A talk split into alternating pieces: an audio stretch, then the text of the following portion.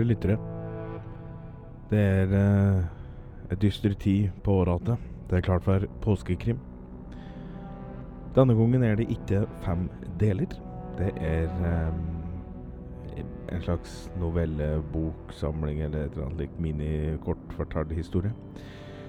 Slik at du kan høre på alt sammen i ett. For å gjøre dette enkelt for deg, som er lydbok, så har jeg delt inn denne fortellinga i kapitler, så du kan ta deg pause her tid du måtte ville. Det anbefales å uh, njute denne episoden ved fram av peisen, framme en vindusglass med fin utsikt, eller kanskje ved teltduken med fin utsikt mot naturen, kanskje. Helst med favorittdrekket ditt i glasset. Det anbefales òg uh, veldig. Jeg ber deg være oppmerksom på sterke inntrykk. Her du definerer som sterkt, det er ikke opp til meg å bedømme. Vi vurderer alle forskjellig. For meg er dette helt greit. OK, da håper jeg du koser deg. Hei.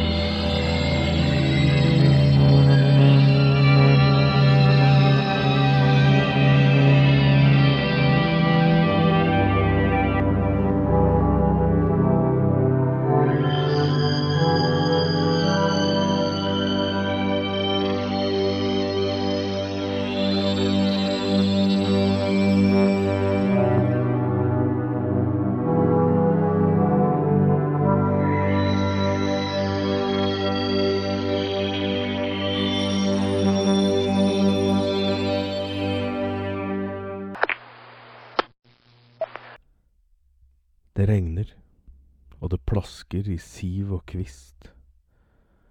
Det dundrer hardt over himmelen idet tordenskrall hamrer løs ved harde livet, og løgnet gnistrer opp en himmel så folk vart livredde innomhus der de satt, i frykt for at hele himmelen skulle rakne. Det hadde jo aldri vært så massivt uvær i Krakadalen som denne kvelden. Aldri før hadde det vært. Og mens folk flest satt innomhus og holdt rundt de som de hadde mest kjær, så var det to kærer som drog på ei tohjulskjerre i Krakastien langs den evige bekken.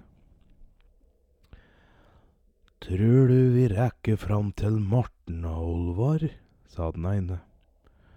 Ja visst gjør vi det, Sigurd. Og Marten åpner ikke før i morgenaften, og vi har nok bare en drug mil atte, du. Åh, beina og arma på meg verker, vet du, som brent ved, gitt. Uff a meg, kan kan ikke ta en Kan ikke ta en lita pust i bakken, du. Å, jeg har vondt i neva sjæl, så det er nok inga dum idé, vet du. Fy faen, til regnvær av det. Åh, det er nok slik det kjennes å bli pisset av 17 flodhester, sa han Olvar. Jaha, jeg veit ikke her flodhester er, jeg, men det høres ut som uh, som et realt megaapparat på, på disse der, at det sitter et realt megaapparat på dem om de skulle piskepisse slik 17 stykker. Å ja. Flodhesten er diger og brei med gap videre enn kona di, vet du, Sigurd. De fins i sølepytter og elvelangs, dem. Nei, slutt å tulle. Flod... Men flodhest Er det tjukke hester, da? Og det er lite som minner om hest i en flodhest, annet enn kukkamentet på dem. Og dem tror jeg er ungefær like digre på begge to. Jeg tror både kukkamentet på flodhesten og hesten er like diger. Eller så minner flodhesten mer om en diger stein. Å. Ja, høres trivelig ut, da. Ja, det er mye mulig. Stopp her nå, så tar vi en pause, gitt, sa han Olvar. Og gubba dem slapp tak i kjerra, huke seg ned under kjerra, så han skulle få dekning for regnet, og så speide dem ut i den grå lysningen. Det lå en lett dis som fløyt gjennom skoga, og mens Sigurd fant fram litt brødskjelker og øl, så fikk en Olvar øye på noe der blant trea. Det var noe svart. Det var noe dystert. Det var en rytter som var kledd i svart ifra topp til tå, og sjøl om Olvar ikke var helt sikker, så følte han at han så rytteren rett inn i øynene. Og aldri før hadde Olvar vært redd, men nå nå var han sikker på at uansett her det var for jævelskap han så inn i øynene, så var det et hat der som var så sterkt og så stort at han kunne kjenne drapsløfta til vedkommende langt inn i sitt djupeste hjerte. Sigurd. Ja. Ser du stiggen som rir der borte? Sigurd myste ut i det tunge regnet, men han så ingenting. Nei, svarte han. Olvar satt med blikket festet utover, men nå kunne heller ikke han se rytteren lenger. Plutselig så spratt han opp og sprang over den blaute lyngen og presset seg gjennom greiner og kjente granknopper som stakk han i ansiktet og i. Sigurd kom springende etter med en brødskjelk i munnen. Olvar han stoppet brått opp, stirret konsentrert ned i bakken. Han huket seg ned og gikk på alle fire. Her er det du ser etter, undrer Sigurd på. Nei, jeg tror Jeg tror Nå er jeg, nå er jeg redd, Sigurd. Nå er jeg redd jeg har blitt gæren. Nei, nei, nei. Slapp av du nå, din tullebukk. Du virker helt normal, du. Ja, kanskje det. Men jeg ser inga hestehover, og jeg veit ikke her jeg så Sigurd. En svart rytter med øyne ifra dødsriket. Om en hest like svart som pesta sjæl. Og jeg er sikker på det jeg så, og jeg kunne kjenne jordskarpa riste. Og jeg fikk følelser av blodige blekker og hengte slektninger, det var det jeg fikk følelsen av. Og det gjorde så vondt inni meg, Sigurd. Og jeg så alt sammen så klart. Jeg så det så klart. Det var en rytter her, men det er ingen avtrykk eller hover. Ingen avtrykk. Men jeg veit hva jeg så. Nå må du slappe av litt, Olvar. Vi har vandret vi nå i snart 14 timer og draster på ei helvetes kjerre fullt av honning og leker. Og vi er på fjerde dagen, og, og vi er litt slitne, og det må være greit. Og du har ikke spist noe bra i dag heller, vet du. Og du veit hvordan sinnet ditt spiller spill i huget på deg når du ikke har det bra.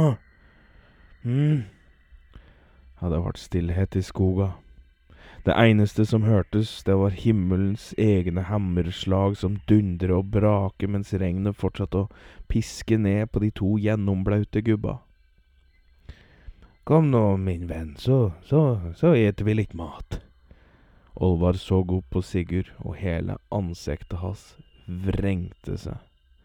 Og øva, de vart store som epler, og sjæl om munnen var åpen, så kom det intet skrik ifra Olvar.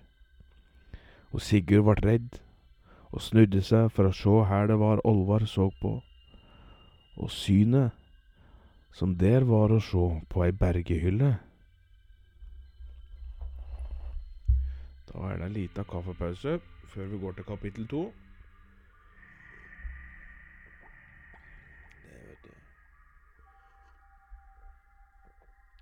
God kaffe, gitt. Kapittel to. Regnet fortsatte å duske ned i Krakadalen. Og lensmann Åge han var fli rasende forbanna over dette over at det på selve martensdagen hadde kommet to støllinger av noen gubber, og så hadde de funnet på noe helvetes Eller de hadde funnet noe helvetes jævlig i skoga. Det var ikke lett å skjønne her noe av det de sa, men han hadde fått med seg at den ene av dem Han var nå sikker på at han var, han var gæren. Og klokka den var knapp, for til Krakadalen så skulle det i dag komme storslagent besøk i skikkelse av greve Karl Oskar, grevinnen Helene av Geilo og deres barn Hilda og Sverre Albert. Lensmann Åge han tok med seg den eh, nærmeste personen som var til stede da de to støllingene hadde informert om synet, og det var ja, det var tolv år gamle Nusse, det, som holdt på, drev og holdt på å anmelde nabogutten Johnny for at han hadde drevet og stjålet to tyggiser og ei strømpebukse av, mens hun drev og sov ute i telt. Så det teltet de hadde fått i gave av sin mormor, så det var hun ganske glad i. Og de trasker, vet du, i blaut måse og dystert regn. Må du, må du gå så jævla fort da, Nusse? Faen, jeg har gnagsår på tærne i dag, ropte lensmannen der han halte flere meter bak Nusse i en bakke. Ja, jeg må det, for vi må komme fram og se om det er noe sant som det gubba drev og sa. Nei, det er nok ikke noe sant, vet du. Det er nok bare noen oppmerksomhetssjuke kunstnere fra den store staden, vet du, som har kommet for å skryte på seg fæle synd. Ja, det er ikke som det det, det virker ikke som det de syntes det var så ålreit å fortelle det de hadde sett. Nei, det, det var Nei, det kan du ha rett i, Nusse, men du er tolv år, Nusse. Du syns nissen er skummel, du. Jeg, jeg syns ikke det, nei. Ikke skjønner jeg det har med saken å gjøre heller, sa Nusse. Å, det har mye med saken å gjøre. For om du er redd for nissen, vet du, da er du òg redd for blod, rødt og Nusse Rødt nusse. Nusse, hør på meg. Rødt. Rødt, det er nisseblod og mensen. Fæle greier. Begge deler. Begge deler. For skal det være Fælt skal det være, vet du. Uh, med juletider og blommer så røyker som disse nymåla vega til Ofelia Bråten, vet du. Hun må jaggu ha sett Og hun må drive og sett med brunauge og tenkt at Og det var fint, da hun malte disse vega like røde som horehus i Askim, vet du. Og der har jeg vært, Nusse. Og sjøl om du sikkert hadde vært ei fin hore, så ikke reis til Askim. Der er det mye tåfis og rætne tissefantiker. Uff a meg som det er, vet du. Uff. Ja, Nusse begynte å skjønne at uh, lensmannen kanskje nå var i dette litt rare humøret sitt, og lot alt han sa gå inn det ene øret og så ut det andre. De trasker videre en del meter, og så, så kom de fram, da, til der vogna til Olvar og Sigurd sto, fylte opp med alt som var av fyrverkeri, sigaretter, øl i glassflasker og en diger grammofon. Svett og sliten kom landsmannen seg opp og gikk umiddelbart opp en pils og så mistenksomt eh, bort på vogna. Jeg tror jaggu gutta har tenkt å lade opp med diskoteket i året til årets Morten en huse. Se på denne gitt. Jaggu diger, gitt. Hm? Jeg har vært på en del diskotek i mitt liv, for noe ferie, på noen av ferieturene mine. vet du Jeg har vært på Jeg har vært på La Discothèque i Paris, på Rue Huchette, vet du. Jævla jålete. Legendarisk, sier noen. Mac sier jeg. Whisk og go-go uh, Whisky og go-go, derimot. Fantastisk bra musikk, gitt. Og jeg danser så det var reine glommer som rant nedover revsprekken min, gitt. Å, for en kveld, Nusse. Der møtte jeg Chanel Colette. Og hun var et råskinn på dansegulvet med en kjole så grønn at det var som å danse på plenen til ordføreren. Og Franka, herregud, herregud som hun kunne drikke, gitt. Og hun drakk tre champagneflasker alene og tredde tuten i høna som sto og kokte på bardisken der, vet du. Å, herre min, altså. Ja, det glemmer jeg aldri over, vet du. Også Susette. Susette Odela Maxim het hun hår så svart som ravnefjør, og øyne som mandelbrune at jeg forelsker meg tvert. For ei tid det var, Nusse. Hold kjeft og sjåge, sa Nusse, og pekte opp på den digre bergesida, og der så han det. Et hugu så blågrått og tomt at døden sjæl så ut til å ha forlatt det. Hugu var plassert øverst på ei lita hylle, blikket ute av syn, det var rettet ut mot skogen, og ei lita kråke satt ved sida av og kakke og åt på det venstre øret. Men det var noe som var rart, men her det var, det klarte ikke Helslandsmann Åge å sjå. Her er det noe som ser kære ut, Nussa.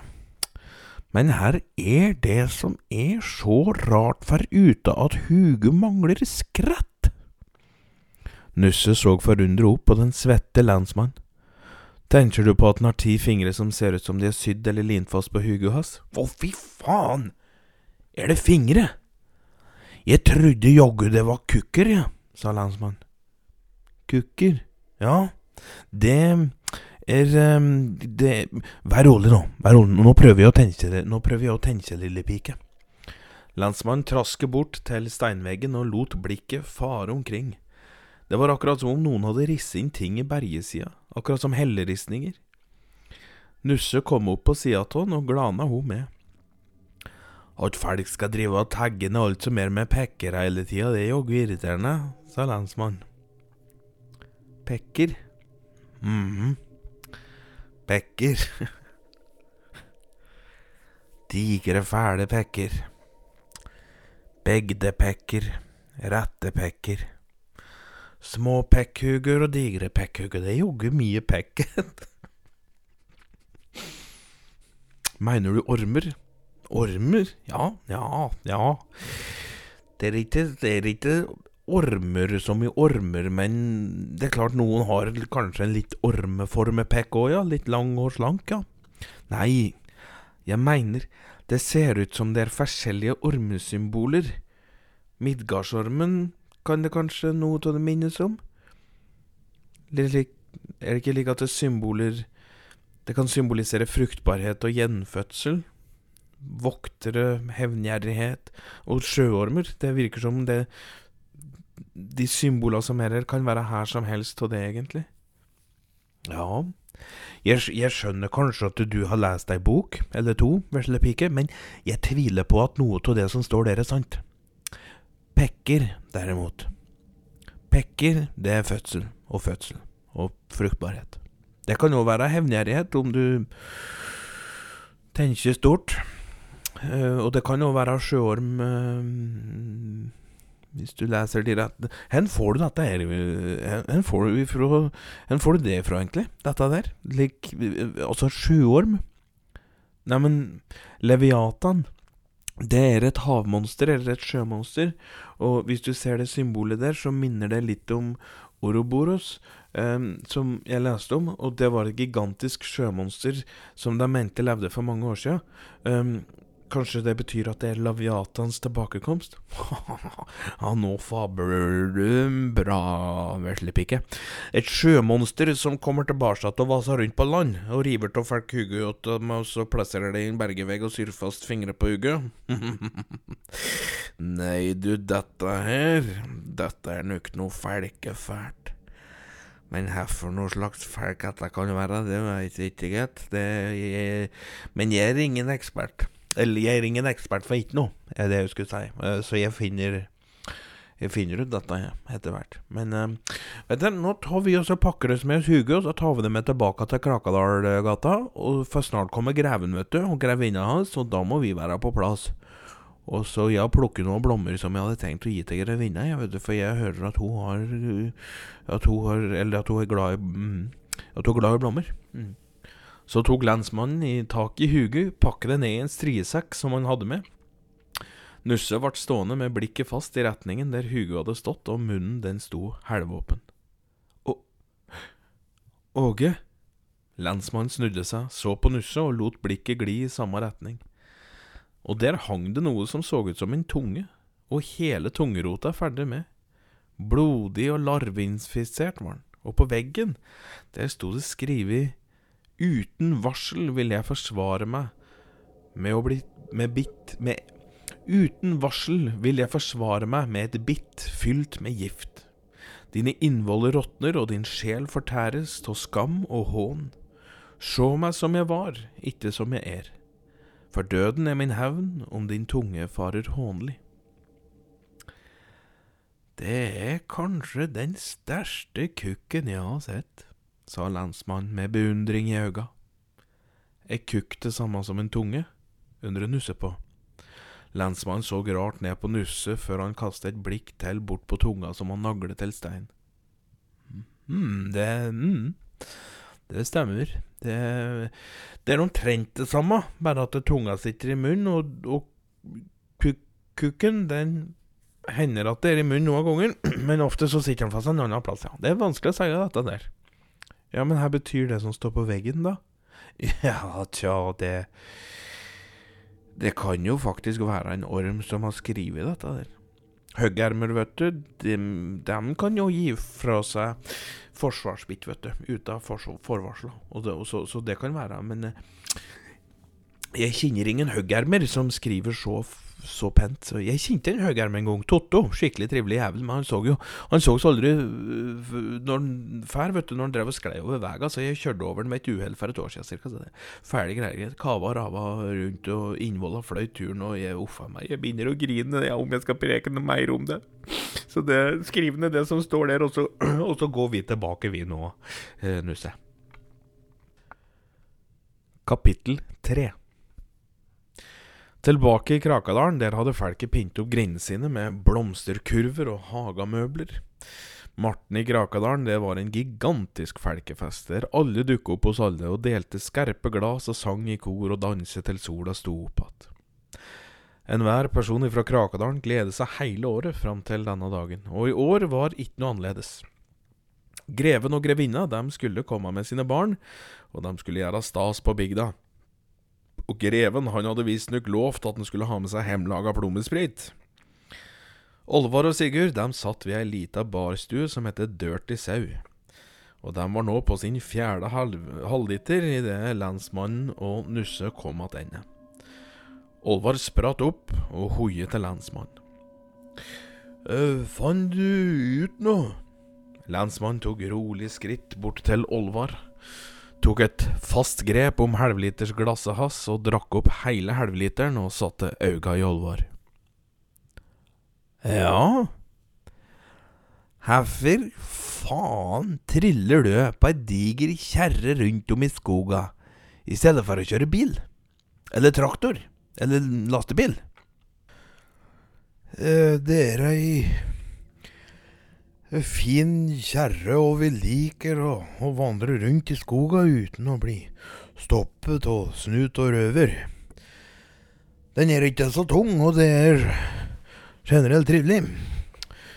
Jeg liker ikke veien Jeg liker ikke veien. Jeg liker ikke veien. Det går med all denne eksosen og duringa, vet du, av maskina, vet du. Så da jeg går rundt der, jeg får vondt i lungene mine av det. Og Sigurd han er dessuten allergisk mot sitron. Sitron, det Jaha. Det er interessant. Det fins ikke sitron i traktor, vet du. Det Det er nå slik at jeg, er glad i sitron, og hvis vi eter sitron i bil, vi får den utslett. Og hvis det spruter sitronsaft, Uh, ute i det Da får nudler spruter sitronsaft. Men ute i det fri, så spruter det bare i det fri, vet du. Ja, det er sant. Allikevel, det må da være jævla tungt å dra seg panna der. Jo visst er det tungt. Men, uh, får jo gratis trening, vet du. Ja, det er sant. Ja, det er sant. Og du så ingenting annet.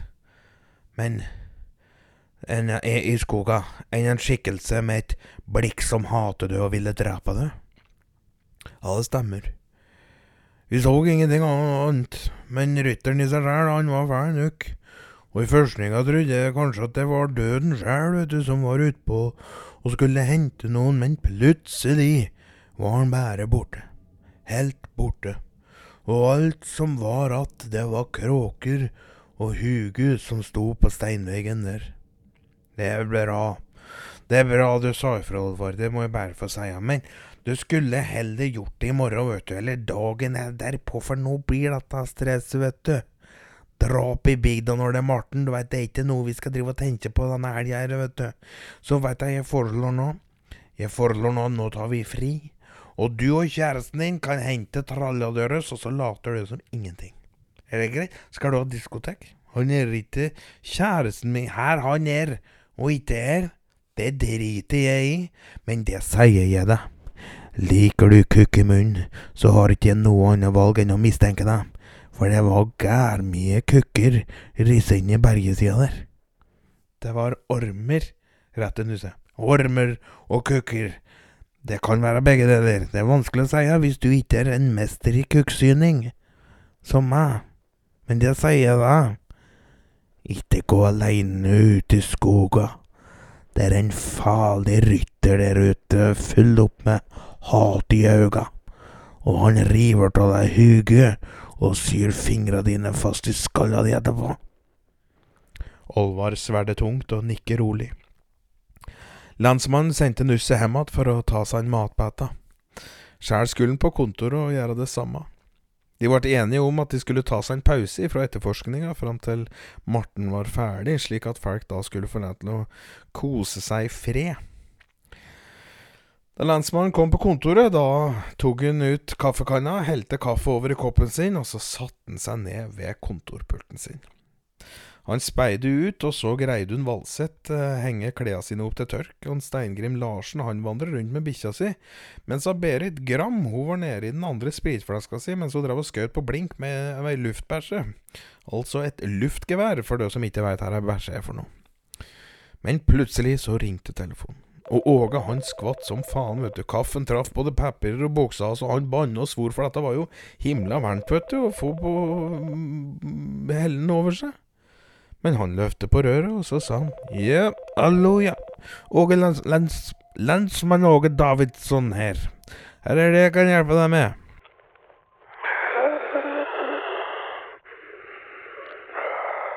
Ja, hallo, hører du meg? Ja uh, Can you hear me?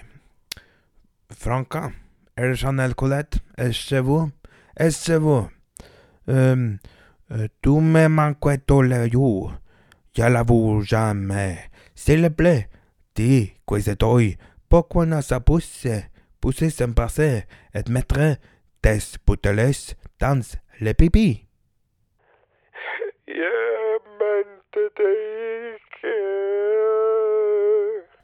Jules? Yes, ich der Leimann. Nei vel, det er jo bra. Eller hva mener du? Fant du Fant hun? Om jeg. Om jeg fant? Hans huge kvært og stryvt, blå og tomt og fingra. Han kjærte meg med de fingra. du, nå roer vi rann litt ned. Du, preker du nå om, om et huge som lå på en steinvegg inni skoga? Edvard.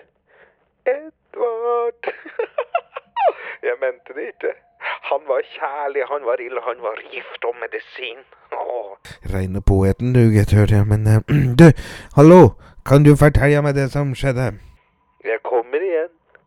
Jeg kommer igjen. De spede små må dø, de voksne må lide, det fins ingen framtid for noen eller noe, alt må dø.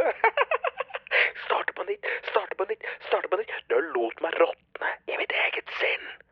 Du lot meg fortære av egen skyld. Men det var deres skyld, det var deres skyld, ikke min. Nei, jeg skjønner faen meg ingenting av det. Du, jeg vil gjerne høre det her du har å si, men kanskje du kan ringe meg om et par dager, du. Da har du sikkert vært edru, og så skal vi ha Marten i hele helga, så da Da tenkte vi at vi skulle ha det trivelig. Jeg dreper først én, og så to, og så tre, og så fire i kveld. Og i natt. I morgen. Nei, du, ikke Nå skjønner jeg ikke, ikke faen om det her, altså. Hør her nå, din stølbukk. Nå skal vi kose oss, og du får ikke gjøre noen ting mot noen i helga. Og hvis du altså må drepe noen akkurat i dag, så får du ta en Brynja Bergersen eller Olafs, Olof, en Olof Sætre. Det er ingen av dem som verken drikker eller kan ha vitser, så de, akkurat dem driter jeg i nå i helga. Men, men, øh, men øh, det har du ikke hørt fra meg. Hallo? Hører du? Det har du ikke hørt fra meg. Nusse. Og så kom det en pipelyd. Åge han ble sittende igjen med en uggen følelse i kroppen ettersom han følte at han hørte Nusse sitt navn før det ble lagt på. Og det passer jo dårlig, for um, lensmann Åge han hadde jo tenkt å gjøre alt annet enn å være barnevakt denne helga her. Men en Åge trasket ut ur kontoret sitt, han sprang bort til huset der han Nusse bodde, og så banken på døra. Nusse åpna opp med en brødskelk med noe sjokoladepålegg i hånda. Henne mor og far din? undrer Åge på. De skulle til bestemor og bestefar på oterfilet og multelikør. Akkurat, ja. Så de blir borte noen timer, da. Ja, de dro like etter at jeg kom hjem igjen. Ok. Da må du bli med meg. Hvorfor det? Ikke noe, ingenting, jeg veit ikke. Men man veit aldri i disse dager. Det er en fæl rytter, vet du, ute på veiene, og det har vært drap i skogen, og gærne folk er jo generelt alle steder. Jeg vil Jeg har litt lyst til at du skal passe på meg i dag, Jeg. Så nå kommer jo straks greven og grevinna, så vi må kjappes litt. Kanskje du Du, har du en brødskjelk til dem òg, kanskje? Det hadde de sikkert satt pris på. Nusse sprang inn og smurte på to skiver med sjokoladepålegg, og så gikk lensmannen og hun ned til handleplassen, der greven og grevinna skulle komme hvert øyeblikk. Olvor og Sigurd de kom slepende bort med tralla si, og så satte de på uh, 'Gi meg en cowboy til mann', som da av Wenche Myhre hadde spilt inn. Og den satte de ta på over grammofonspilleren sin. Men her dæven tutan dette for noe, hoier Åge. Det er listetoppen, dette, Åge, ropte Sigurd tilbake. Du kan bare sette deg på en gauketur til Bias Bernhoft med en gang, eller så skal jeg faen skjære meg kaldkvele deg med trælete never. Sigurd han skvatt til, med frykt i øva, og snurre plater som han aldri før hadde gjort, og brått kom en gauketur til Bias Bernhoft spillende over høyttaleren. Med Bias Bernhoft sine toner så kom det ridende to ryttere med militante uniformer. Bak de to rytterne så kom det en bil. En 1951 Studebaker Manta Ray. Og i bilen i seg sjæl eller, og, og, bilen i seg sjøl, mener jeg, den er jo litt vanskelig å beskrive. For det Ja, hvis du ikke har Google, da, så kan, jeg, så kan den beskrives da som en slags futuristisk bil med to seter uten tak. Og så i fronten der, så eh, Ja, det er en slags tut av noe slag som kan minne litt om like, en enda av en rakett, da, hvis du legger godvilja til. Men inni bilen, det var det ingen tvil. Det var grev Carl Oskar og grevinne Helene av Geilo som satt i den. Og, og, og, bak der så kom det to ryttere til, og det var da deres barn på hver sin ponni. Hilda og Sverre Albert. Alle mann på rekke for å hilse på grev Karl Oskar og Fantoft og grevinne Helene av Geilo, skrev den ene militanten. Lensmann Åge, han gjorde som sagt som det ble sagt, han stelte seg opp i rekke med Nusse ved sin høyre side og Baker Lauritzen eh, ved sin venstre. Jeg mente at Sverre Albert egentlig hadde en hjerneskade, jeg, sa bakeren. Hysj med deg, du tulling. Jo, men det er sant, vet du. De sa at han ble født med to hønn i panna, lik en geitebukk og at han hadde pekk som en orm. Nei, slutt å tulle, du, vi har da alle pekker som en orm, må vite. Jo, men han hadde visstnok en orm, altså en pekk som var en orm. En levende orm, som en meitemerk, men som var orm. Og han sleit fælt med, med innestemmen nå, har jeg hørt. De kalte han Gutten i tårnet. Gutten i tårnet kalte de han bare fra barndommen av for han ble gjemt, han, i et tårn blant de sju fjella. Nei, det er fælt. Jeg har hørt. Nå, nå, nå, men nå ser du sjæl, med egne øyne, at dette var ljug alt sammen. Se på han, ikke har horn og ikke rører det så mistenkt som det boksen på Nell, sa, sa lensmannen. Nusse glana ivrig med etter greven og grevinna, som nå hadde bindt helserunda si på ene enda av rekka med felk. Ja, rike folk med friske unger, Åge. Det stoler jeg ikke på, jeg. Merk mine ord, for her er det noe muffins. Ja, det er jo dine muffins det er noe mistenksom med. Smaker rævsaft og hestesæd, hørte jeg de sa på, på dør til sauen her en dag. Ja, bare vær frekk du liksom, politi. Men at denne gutten der skal være av blod og kjød etter greven og grevinna, det stemmer ikke. For denne der, han kommer fra Elverum, det ser jeg med en gang. Og lensmannen han vifter med nevene og strakte den ut idet greven og grevinna kom fram. For Unnskyld, fer en glede, greve. At du ville ta turen hit under årets martensfeiring, det er stor stas. Stor stas. Og du grevinne. Herregud, det er lett å se enn du kommer ifra med dine med så fine fjellpartier, gitt. Håndtrykket til greven, den ble brått hardere, gitt. Og lensmannen han ga ifra seg et lite klynk, og så gikk de videre. Og tok imot brødskiven som eller av Nusse, før de da passerte helt til enda av rekka med felk.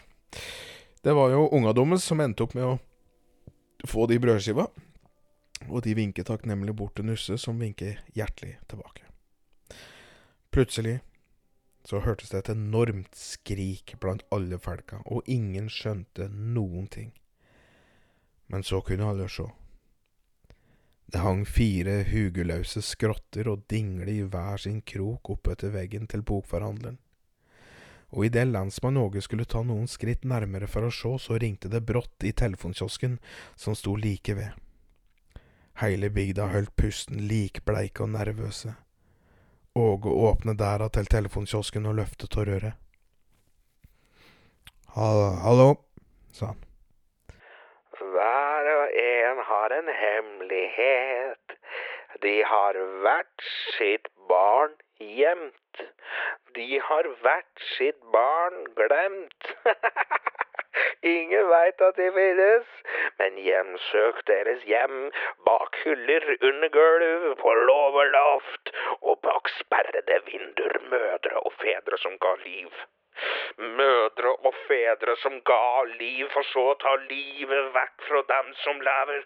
Mødre og fedre som ga seg selv ansvar og viten, tillater seg ansvarsfravær og uviten, og gjemmer bort skammen. Det hjelper ingen, for jeg vil finne den igjen. og jeg skal slakte hver og en av de som sperrer inne det liv som skal leves. Min venn, um, jeg hører, og jeg skjønner, at du er irritert. Det skjønner jeg. Selv om jeg ikke har noen aning om her i alle dager er du preker om. Men jeg må igjen få lov til å poengtere at nå ødelegger du en hel helg for alle sammen. Du ødelegger for alle som har gledet seg nå et helt år til å få møte sine venner og slektninger i et realt bygdekalas. Og det at du nå har hengt opp fire striesekker med, med noen rare greier i for å skremme folka, det er så, det er så upassende, det, for å si det mildt.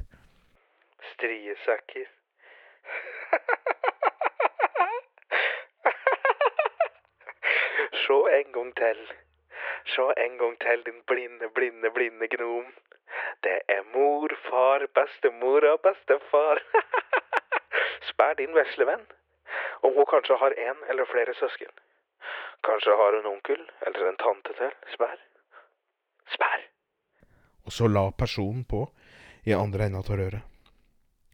Lensmann Åge han hektet telefonrøret tilbake på telefonen og så bort på Nusse som sto med tårer i øynene. Jeg kjenner at skoa. Det er kjolen til bestemor og det er bootsa til far. Åge, er det mor og far og bestefar og bestemor?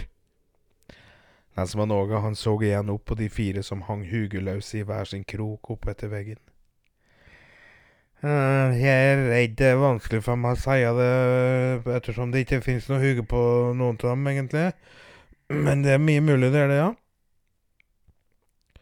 Nei Nusse begynte å grine, sprang bort og holdt rundt beina på sine foreldre. Lensmannen snudde seg mot grevinna og sa Dau tåfis fy faen. Uh, Denne jenta der jogger hard som stein. Uh. Grevinna bare glana forskrekket bort på han. Kjære greve og grevinne, kanskje du vil bli med bak Lauritzen? Han har nemlig baket noen skikkelig gode skolebrød, veit jeg, og så skal jeg få rydde opp i dette her. Det er ingen fare. Det er ingenting å være redd for. Alt er under kontroll her. Foreldrene hennes de var ganske snodige, ser du, så dette har de kanskje gjort sjøl. Så ikke gå rundt og tro at det er en dral som er her, altså. For det er det i hvert fall ikke. Det er det ikke. Fins ikke litt her i skogen på den tida her er det bare fryd og gammen. Ja, du, har du vært i Frankrike, forresten? Vi er litt lik som Paris, vi. Diskotek og brennevin, det er vi gode på. Åge han hank inn bakemesteren, som tok med seg greven og grevinna og deres barn da bort til baksthuset. Landsmann Åge han gikk med rolige skritt bort til huset. Han kunne se at på veggen til bokhandelen så var det risset inn ormeskikkelser der òg. Fy faen, det er så snodig med folk som dreper og etterlater seg spor.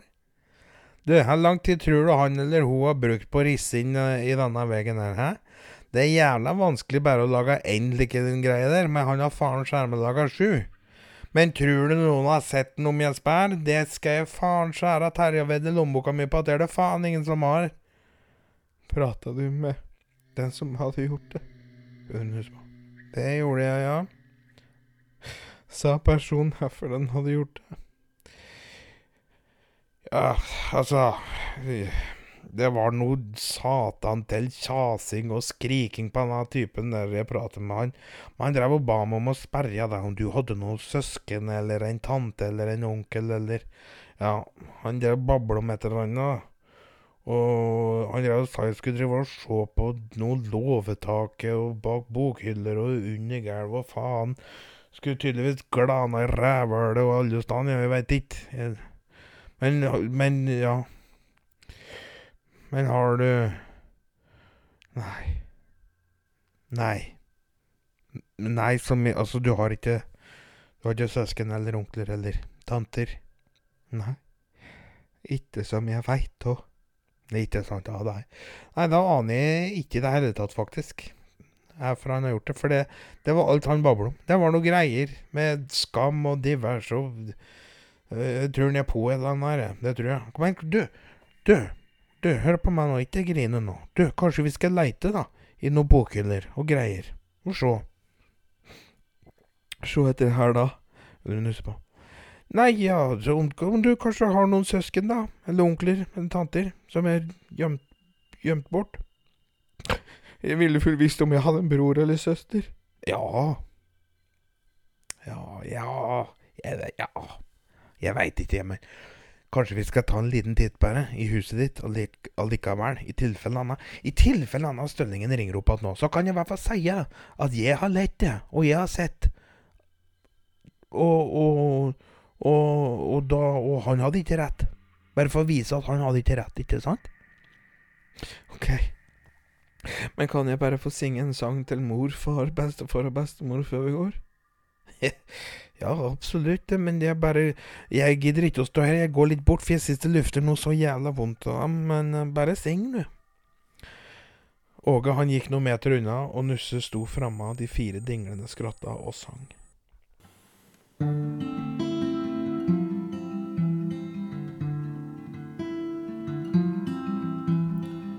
Vi er ensomme som vinner, en som sørger aleine med fravær, stillhet i rom. Sjæl i en favn hvisker vi vårt eget navn. Drømmer om nærhet i kjærlighetens favn. Men vegviseren peker oss dit der vi atter igjen skal finne hverandre. Men en galge skal jeg finne en bit, og der skal jeg aldri mer finne noen å klandre.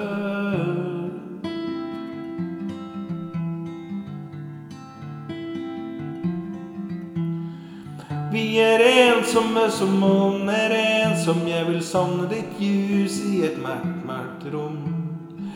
Spørsmål som blir, forblir ubesvart, og tanker står for meg uklart. Vandrer i fangenskap ovenfor et havgap, men vegviseren peker meg hit.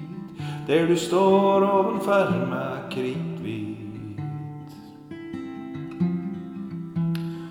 Ved dine føtter skal jeg finne fred. Jeg ga deg et løfte, og jeg skal holde meg ned. Jeg ga deg et løfte, og jeg skal holde min ned. Ved dine føtter skal jeg finne fred.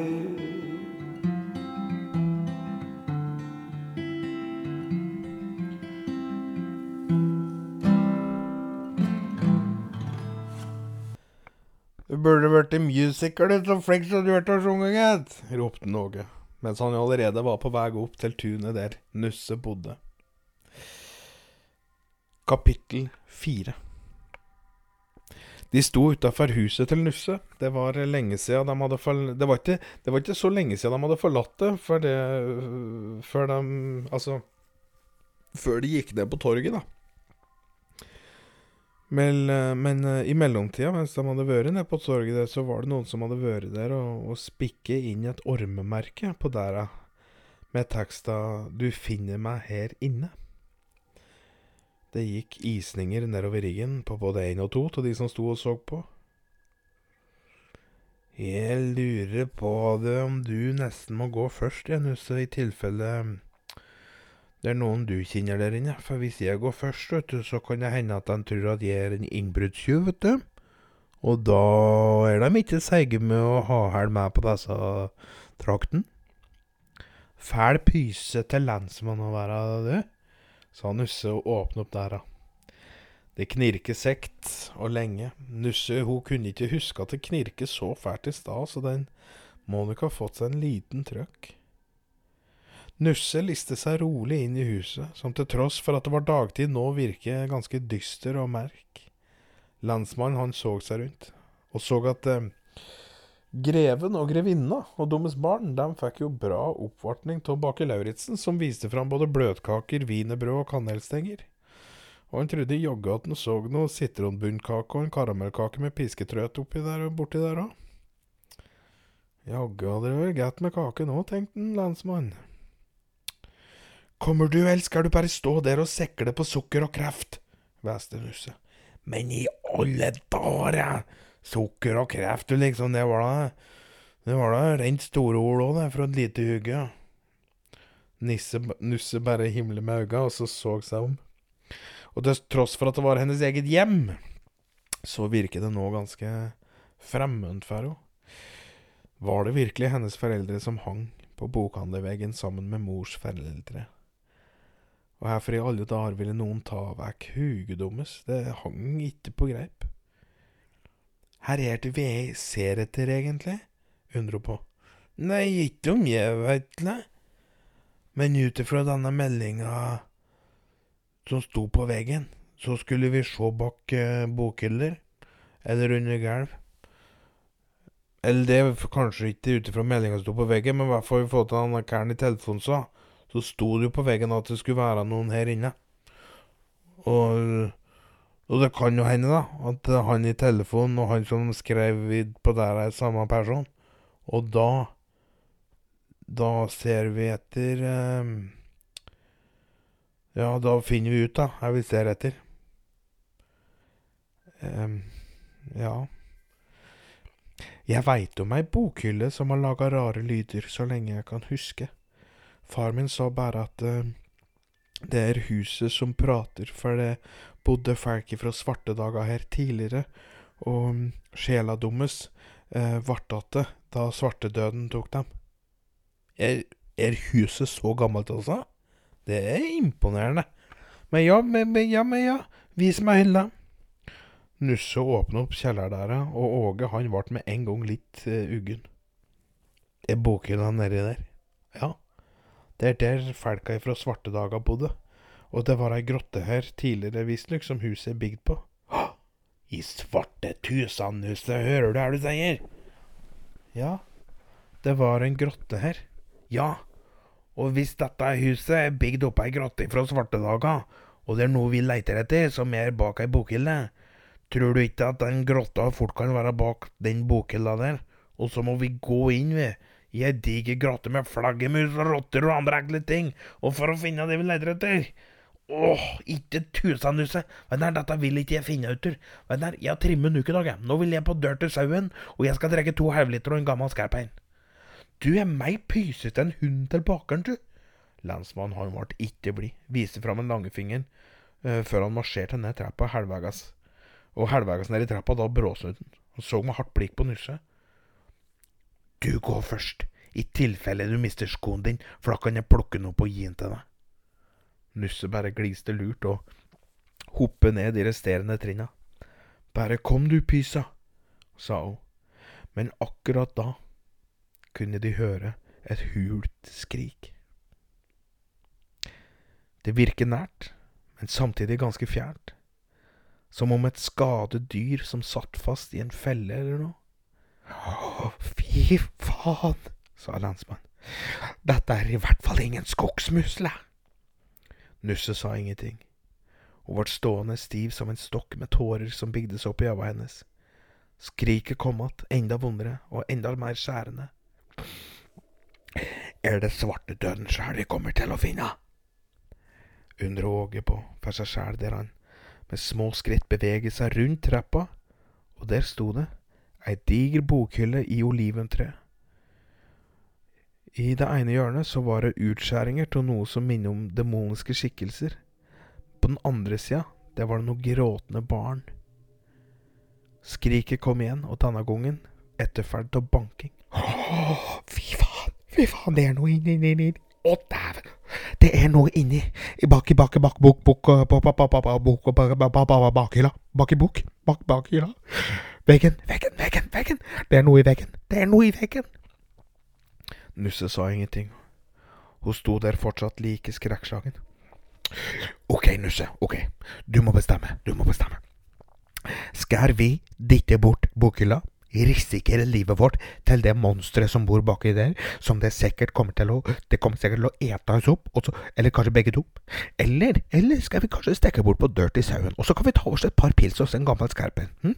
Jeg spanderer en gammel skarpen på deg, er det greit? Jeg kan sikkert spandere tre òg, hvis, hvis, hvis det går nå. Nussi gikk bort til bokhylla uten å si et eneste ord, og så begynte hun å stryke langs den midterste hyllekanten. Jeg husker denne bokhylla. Jeg har sett den før.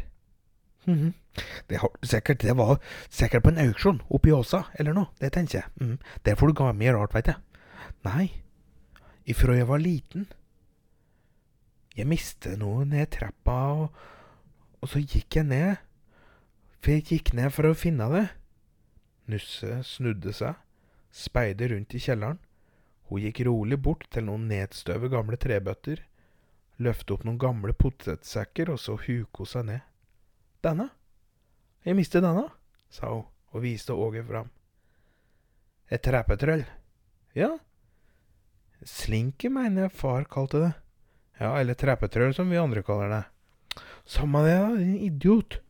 I hvert fall så kom jeg ned hit, og jeg var kanskje Jeg vet ikke, fire år, kanskje. Og da jeg kom ned, så ropte far strengt at jeg måtte komme opp igjen, for det For det bodde stiggemenn i kjelleren. Og hvis en stiggemann får tak i deg, da kommer du aldri tilbake, sa han. Og jeg husker at jeg snudde meg, og da så jeg den bokhylla. Og det skriket, det Det er ikke første gang jeg hører det skriket, herr landsmann, sa Nusse og hun gikk med raske skritt bort til bokhylla. Å, herregud.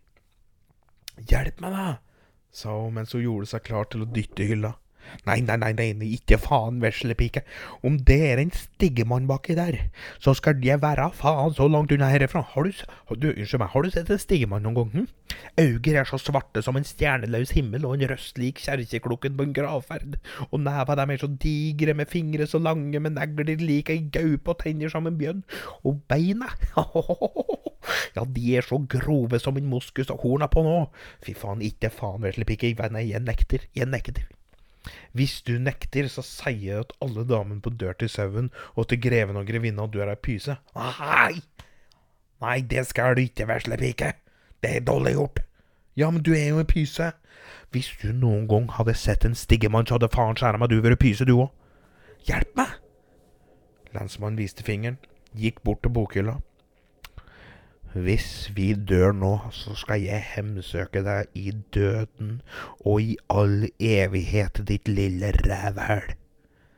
De dytter bort bokhylla, og skriket ble høyere og høyere, og de kunne kjenne òg at noe greip tak i hylla, og at den hjalp til med å dytte den til sides. Og landsmann Åge, han begynte å skrike og grine. Kapittel fem Lensmann Åge han satt inne i et hjørne bak ei bøtte, eh, eller ei bitte, og gjemte seg for den rare, krokete skrotten som hadde veltet seg ut bak bokhylla og tråkken så hardt på totelota at han hadde begynt å grine. Nusse satt på trappa og så bort på den rare, krokete skrotten som satt på huk ved sida av bokhylla og strøk på hylleplaten. Bak bokhylla var det ikke akkurat ei stor grotte, men en grotte var det jo lell, på en måte. Eh, og i den uh, var det tre knuste elgelamper. Det var blod som var smurt utover steinveggene der. Og så innerst i grotta det var det da grøvet et hæl som visstnok var der den krokete skrotten hadde gjort ifra seg. Åkken er du egentlig? spurte Nusse. Den krokete skrotten bare fresa og ule tilbake med panikk i blikket. Det minte Åge om den gangen han som liten skulle fange høner og presse de oppunder et hjørne. Sjæl om blikket var tomt, så forsto han at det var mye indre liv. Klarer du ikke preke? spurte Nuse. Brått så kastet skratten seg mot henne, men satte seg på kne nederst ved trappa og så opp på henne med blodskutte øyne. Det er ikke akkurat en stigemann jeg har sett før, men stigen lell. Hoier Åge fra den satt bak bitta. Den krokete skretten skurte bort på han og viste fram sin langefinger, som hadde den lengste neglen Åge noen gang hadde sett. Ja da, for faen, denne kan du bare tre opp i ræva di og snurre på, din ekle grisepekk, sa Åge. Hysj, herr lensmann, han har tydeligvis vært innestengt ganske lenge, så han mangler kanskje noen sosiale antenner. Altså, er du på ekte tolv år, veslepike? For du høres faen meg ut som du skulle være 37. Ja, i mitt tidligere liv så levde jeg så lenge at jeg ble 37 år og eldre, så jeg har mye kunnskap. Jaha, kunnskap som en katte, i hvert fall. Slutt, din idiot.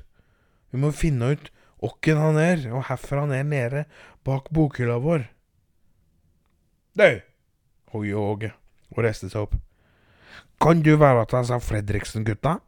For det er kjeltringer hele gjengen har hørt.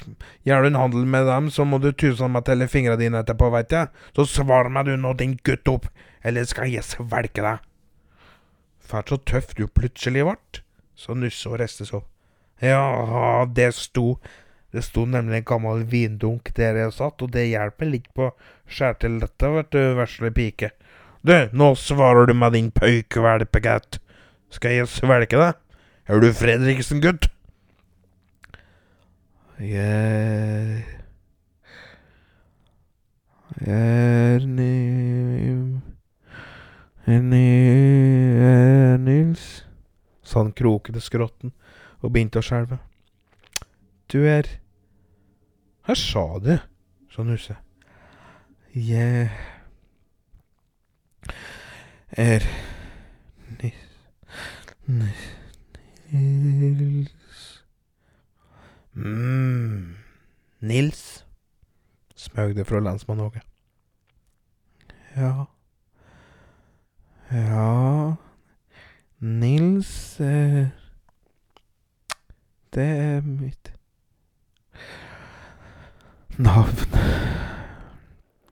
Sønnen til Sønnen til Kirsten og Harry. Kirsten og Harry, avbrøt Nusse. Ja Kirsten og Harry som bor her? Ja. Ja. Nusse så på Åge, som sto og lette fram en sigarett han hadde mistet på bakken. Åge? Han er bror min. Åge så bort på Nils, og så bort på Nusse, og så bort på Nils igjen. Mm. Spennende. Hvorfor i alle dager har du gjemt det her, Adrem? Jeg Jeg har um, ikke Jeg har ikke Jeg, har ikke gjemt meg. Jeg, men Far og Far og mor stengte, stengte meg inne. De stengte meg inne. De skulle De sa, de sa jeg skulle få gave på bursdagen min, og den lå Den lå her. Den ligger der borte. Den lå Den skulle jeg få.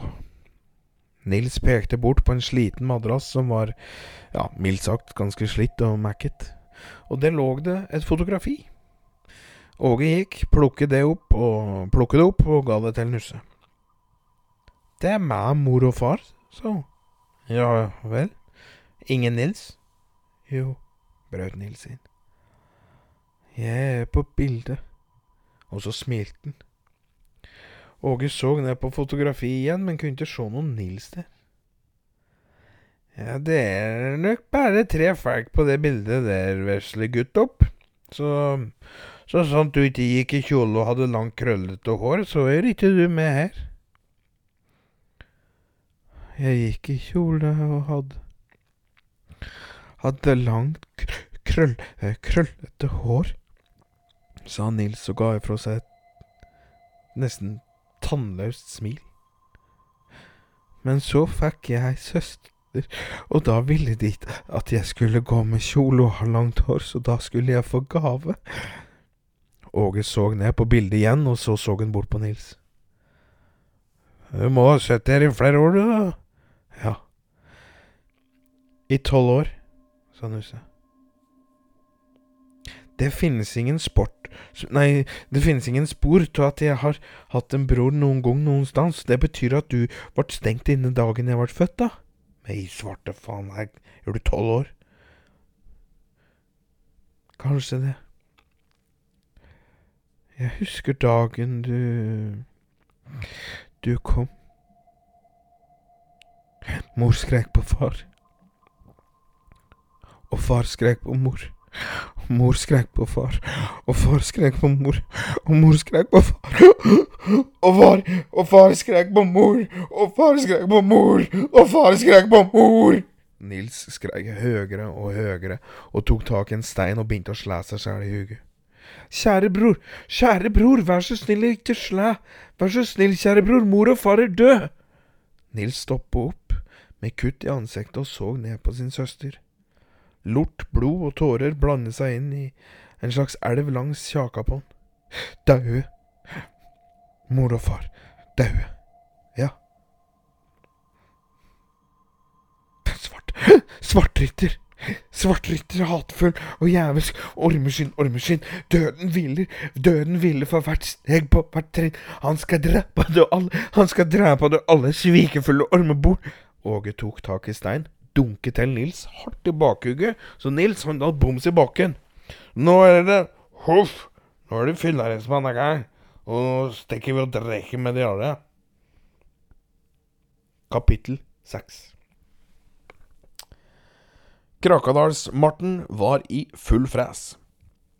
Greven og grevinna de koste seg på omvisninga de hadde fått, og satt nå med hvert sitt glass med øl og et lite glass med hjemmebrent som lensmann Åge sjæl hadde brent og gitt i gave til Krakadalen og dens innbyggere, ettersom det da var Marten.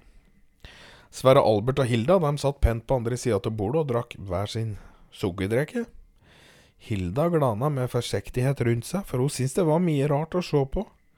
Salgsboder der de solgte alt ifra kniver med skaft og bukkehorn og rådyrgevir, til eh, lekedokker og lekebiler, fyrstikker og trekopper, nevekonter og klesplagg, både for kær og kvinnfolk, så klart. Og bakst og kjøtt, saft og honning, tobakk og musikk. Og ja, noe som var eh, Det var noe som var kalt kassetter, som akkurat hadde kommet på markedet. Men for å høre på kassetter, så måtte du jo ha en kassettspiller. Greven Karl Oskar, han var ikke så glad i musikk. Um, Så noen kassettspiller, det ville nok Det ville det nok ikke bli i heimen, men Hilda hun drømte seg bort der hun satt. Så for seg det at hun sjæl lå på soverommet sitt med en kassettspiller på gulvet, og så at hun sjæl tok ut en kassett til dekselet og satte på sin favorittsang. Og da var det ei venninne av Hilda som hadde spilt Cliff Richard for henne en gang. Så hun drømte da at det var Cliff sin sang 'Summer Holiday' hun satte på. Men brått så ble hun revet ut av dagdrømmen ved at det kom skrikende og grinende unger bortover veien. Han tok mamma! Han tok mamma! Han tok mamma! Han tok mamma! skreik den ene. Han tok mamma, var det han ropte. Eller den ene, jeg veit ikke om det var gutt eller jente. Men de i hvert fall fort som noen grisunger, alle sammen, og grusen den sprutet etter dem. Lensmann Åge, han reiste opp, gikk bort til greven og grevinna og spurte Er det et ønske fra det høyere felket å bli med og etterforske, kanskje? Hm? Dette mekkalivet blant høye murer og fine vasere som du lever i, trenger for litt spenning en gang iblant, det vil jeg tru. Eller sier du grevinnen fra Geilo? Er det mye skitten kølle som staker ditt tindrende hull? Unnskyld meg, men det var da svært så friskt språk du bruker til edle selskap, sa greven. Ja, fre freskt er freskt. Det er bare friskt, slik er det bare. Nytter ikke å stå på toppen av gallepiggen og grine over frisk bris sjøl om du står der svett og edel, vet du. Nå, hva sier du? jeg må, jeg, jeg må se så få tak på disse unga der og høre her det er som har skjedd, vet du. Klokka er bare ni. Klokka er bare ni, og, det, og så er det bare fredag. Og så drikkinga vår, den var, vi skal drikke helt til søndagskvelden, vet du. Så må ikke være redd for at du går glipp av noe, for vi, vi er nok her igjen til en Perry begynner å klette seg og rope på mor si, han. Men, eh, men han roper på mor si for at hun må komme og væske, væske loffen hans, vet du. Han har, han har fått en liten sykdom i kukamentet, så han det gror eh, sopp, altså sjampinjonger, på kukken hans. Eller så er det kantareller. Det er i hvert fall en eller annen sopp, soppvekst på peken. Så slik er det. Greven Gre Greven, han glaner bort Han glaner bort på sin kone. Ja, kan vi ikke bli med, far? undrer Hilda på. Ta med deg datteren din, så passer jeg på Sverre Halbert her så lenge, sa Helene fra Geilo og klappet sin mann på kjaka. Ja vel, så følger vi med lensmannen på jakt. De gikk traskende forbi huset til Nusse, som satt på trappa si med bror sin og væska ansiktet hans med en klut. Eh, men eh, ja, det var det hun drev med idet hun så de komme forbi. Åke, skal du tale med unger som har mistet mor si? ropte hun. Ja, det må jeg følge, vet du. De grein så fælt så det Det spørs om jeg ikke Bert Hyssing har vært framme med knyttnevene igjen, sa han Åge. Og så snudde han seg mot greven og dattera og sa Ingen fare med det, altså. Ikke tenk på det. En Bert er et rasshæl året rundt, han, altså. Så det er jo det og typisk at han må være det på en dag da alle er ute og drikker, egentlig. Og jeg har sagt ifra til far flere ganger. For jeg har hatt far hans i arresten, og da har jeg sagt til far hans at gubben din, vet du, sønnen kan ikke gå rundt og, og banke opp fjortiser og damer. Han er jo tross alt snart 40 år gammel, vet du. Men far er likedan. Og likedan, vet du. Han ble jo slihjel av kjerringa si etter 30 år med misbruk, han. Vet du. Men veit en Bert Bert En Bert er nesten to-tre meter høy, vet du. Så du må jo enten Enten så må du bruke hagle, eller så må du bruke en ljå for å ta livet av han. Og det, er bare derfor han denger løs uh, på folk under 1,55 ute. For de når ikke, de når ikke hagla på veggen. Greven sto bare og så forundret på lensmannen. Ja, skal du bli med, Nusse, kanskje? Jeg trenger nok en partner som kan preke språket deres. til å- Men unga de preker jo solung, sa han.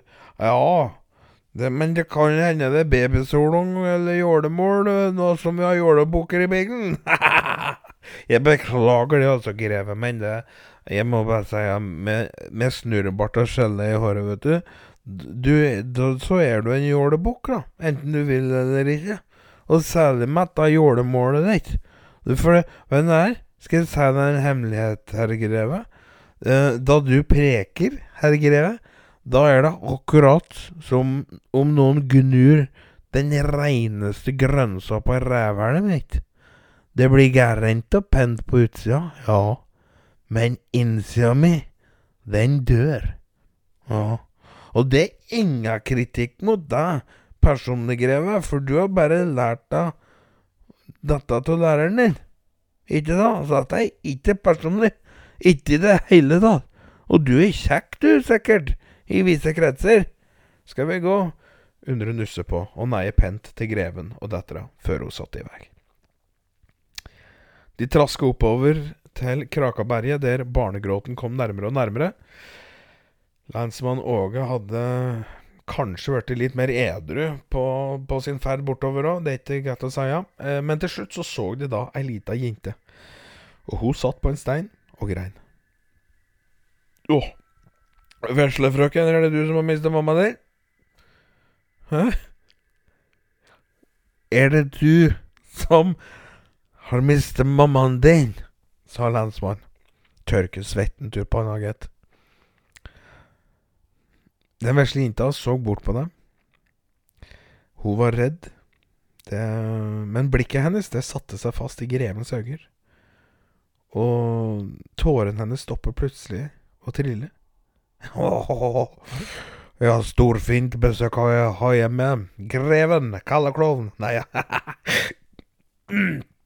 Karl Oskar heter. Navnet like stygt som barnas. Men det hørte du ikke. Det har jeg aldri sagt. Ikke sant? Det hørte du ikke fra meg. Han snudde seg og så at greven sto like bak ham. Å jaså! Du står og tjuvlytter på meg nå, din snobbegutt! Og Åge han viste fram langfingeren sin. Altså, dette er uakseptabelt. Konstabel, sånn snakker de ikke til meg, så jeg eller noen andre hører det. Vi ble invitert hit for å gjøre stas på dette fillete og skitne drikkekalaset deres. Ikke for at en illeluktende dranker og inkompetent amøbe som deg skal komme med ukvemsord til meg og min familie.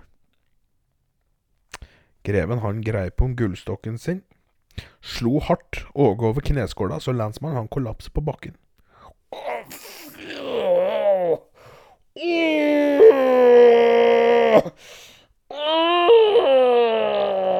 Fy faen, å, fy faen, gatt.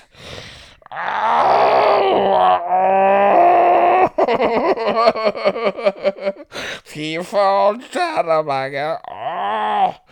Vold mot en tjenestekubbe, det var lurt. Det var lurt. Det var du bra smart, din dumme bagge. Imens de to gutta, eller gubba Kan jo diskutere om de er gubber eller gutter men eh, de drev i hvert fall og krangle og tjate med hverandre. eh, og mens de drev med det, så gikk jenta som satt på steinen, bort til Hilda og så henne djupt inn i øynene. Og så sto de der i en slags trekantformasjon, Nusse, Hilda og den grinende jinta. Det var ingen som sa noen ting. Nusse, hun så på Hilda og jinta. Hilda så på Nusse og jinta. Men jinta, hun så bare på Hilda. Veit du hen bror din er? sa jenta til slutt. Hilda begynte bare å glise. Ja, han er på den dirty sau-plassen med mor. Nei, sa jenta og gikk enda nærmere. Hilda bare rynker på nesen og veksler blikket mellom Nusse og jenta. Det er ikke din bror, sa jenta. Greven fikk med seg det som ble sagt, og troppa opp ved sida av jenta og la hånda på skulderen hennes. Men jenta hun begynte bare å skrike høyt. Han tok mammaen min, skrek hun. Åkken tok mor di? undrer Nusse på. Jeg veit ikke, men han hater meg, svarte jenta. Hater han det? Ja. Han hater alle. Han skal drepe alle som aldri finner rot. Alle de som forpester lufta vår. Det er ingen som forpester noe luft her i bygda vår, sa Åge. Jo, noen. Enkelte kommer langt vekk ifra, og noen bor her. Se bak bokhyller, låveleft, under gulv og i djupet blant gneis og diamanter. Ja, nå taler du faen rare ting, altså. Nå kommer mamma, sa jenta. Her sa du. Nå kommer mamma. Og i det jenta sa det, så kom det noe tungt som velta over greven og Åge, så de datt i bakken, og de kunne høre hestehover som trampet hissig rundt dem. Åge han kom til seg sjæl og så at han hadde en død kropp over seg, mest sannsynlig mammaen til jenta. Og på den digre, svarte hesten som trampet hardt i bakken, så satt en rytter. Med svart hette og et blikk så fullt av hat og ondskap at Åge han ville snu seg vekk. Både Nusse, Hilda og den vesle jenta sto med stille tårer rennende ned kjaka sine, og rytteren han kastet seg ned fra hesten, og med tunge skritt så gikk han og stelte seg framme landsmannen og greven som lå på bakken. Han pekte med en hanskekledd finger på greven og sa Du Du, du, du, du, du, du, du. Tenk at du skulle være så lett å få tak på. Løgner! Løgner, torturist, snobb. en greve. En greve uten ære, en greve uten sjel, en greve uten moral, en greve uten moral. en far uten barn. En far uten kjærlighet. Greven sleit med å finne fram orda og jobbe for å dytte den døde kroppen bort ifra seg sjæl. Jeg vet Jeg vet Jeg vet Hvem Hvem er du? stotrer han fram. Og prek ordentlig! Prek ordentlig, din feige, usle greve! Du preker som om du skulle vært født i gull, mens du egentlig er presset ut til en adelig tarm innavle og ussel. Jeg forstår ikke hva du mener. Den svarte rytteren han tok tak i hånda til greven og beit seg fast i en finger som han gnagde tvert over. Man kunne i konturen av hetta se den blodige munnen som presset ut en hel pekefinger som datt på bakken, påferd av et morbid smil, for å si det greit. Og greven han skreik om han kunne se sjokket begynte å bre seg om. Å, fy faen, du. Nå må du slappe av, heter Frans. Her er vi sivile, og jeg er landsmann. Sivile, undrer rytteren på. Ja, sivil, sivilje, sivilje. ja, Sivile, mener jeg. Ah! Sivile, sivile, sivile, sivile. Spør greven om sivilitet. Han bringer en sønn som ikke er hans sønn, rundt omkring for å vise at alle skal han vise at han har en så fin sønn. Stemmer ikke det, greve? Greven så opp på rytteren og forsto ingenting. Jeg forstår ikke. Nei vel! Men det spiller ingen rolle om du forstår eller ikke. Døden står her nå, framme deg. Fra og med i dag er du ikke lenger greve.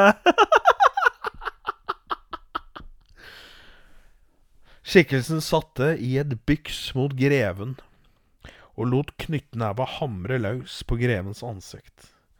Og så reiste rytteren seg opp med begge neva samlet rundt strupen på greven, som viljeløst kava rundt med armene sine. Dog virket det som om rytteren syntes at kvelning var litt langdrukt. Så han tok tak med den ene hånda på underbittet inne i grevens munn, og den andre hånda tok han på overbittet, og så presset han munnen fra hverandre.